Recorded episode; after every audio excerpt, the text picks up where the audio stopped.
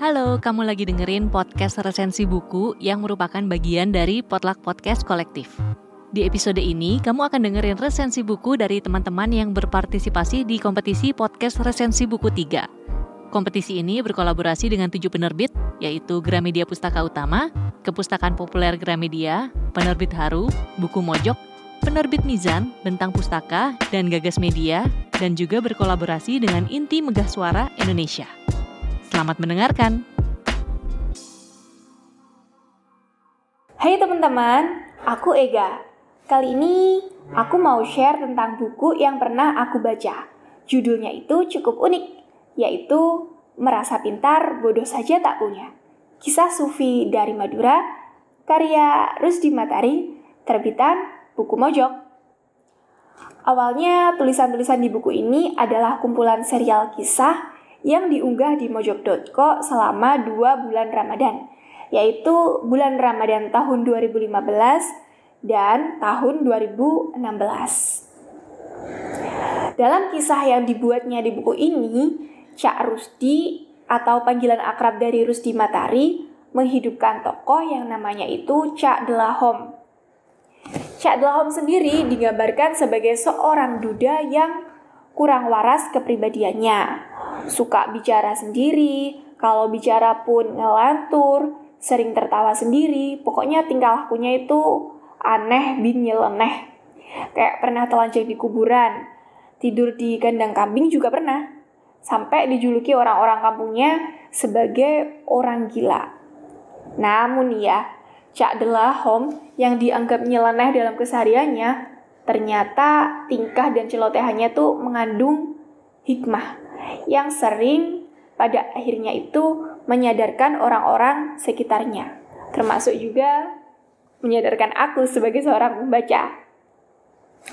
Jadi buku ini itu terdapat dua bab dan pada masing-masing bab memiliki subbagian. Selain Cak Delahom sebagai tokoh utama, ada juga beberapa tokoh fiktif lainnya yang menemani Cak Delahom dalam kisahnya, seperti Mat Piti, Romlah, Pak Lurah, Pak RT yang akan dijumpai dalam tiap episode di buku ini.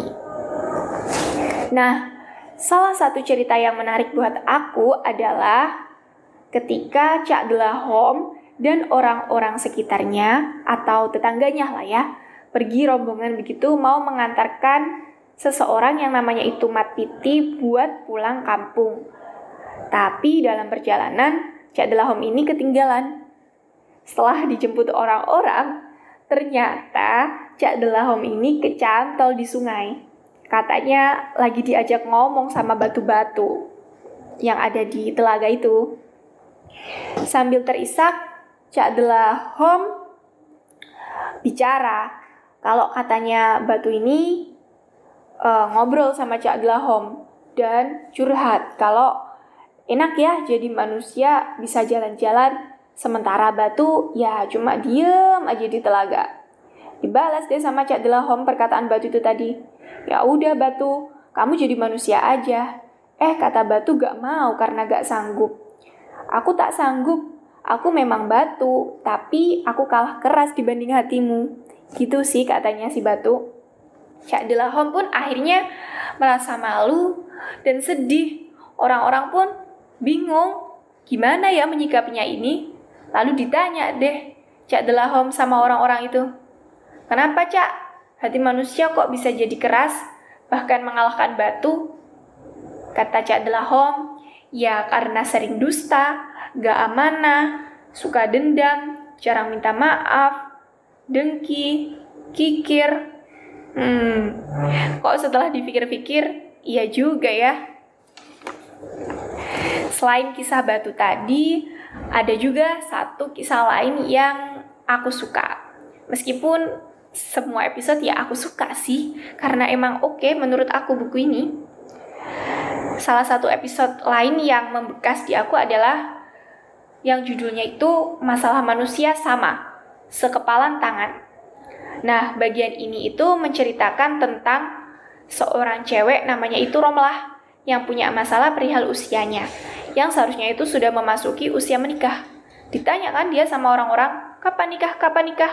Stres dong si Romlah.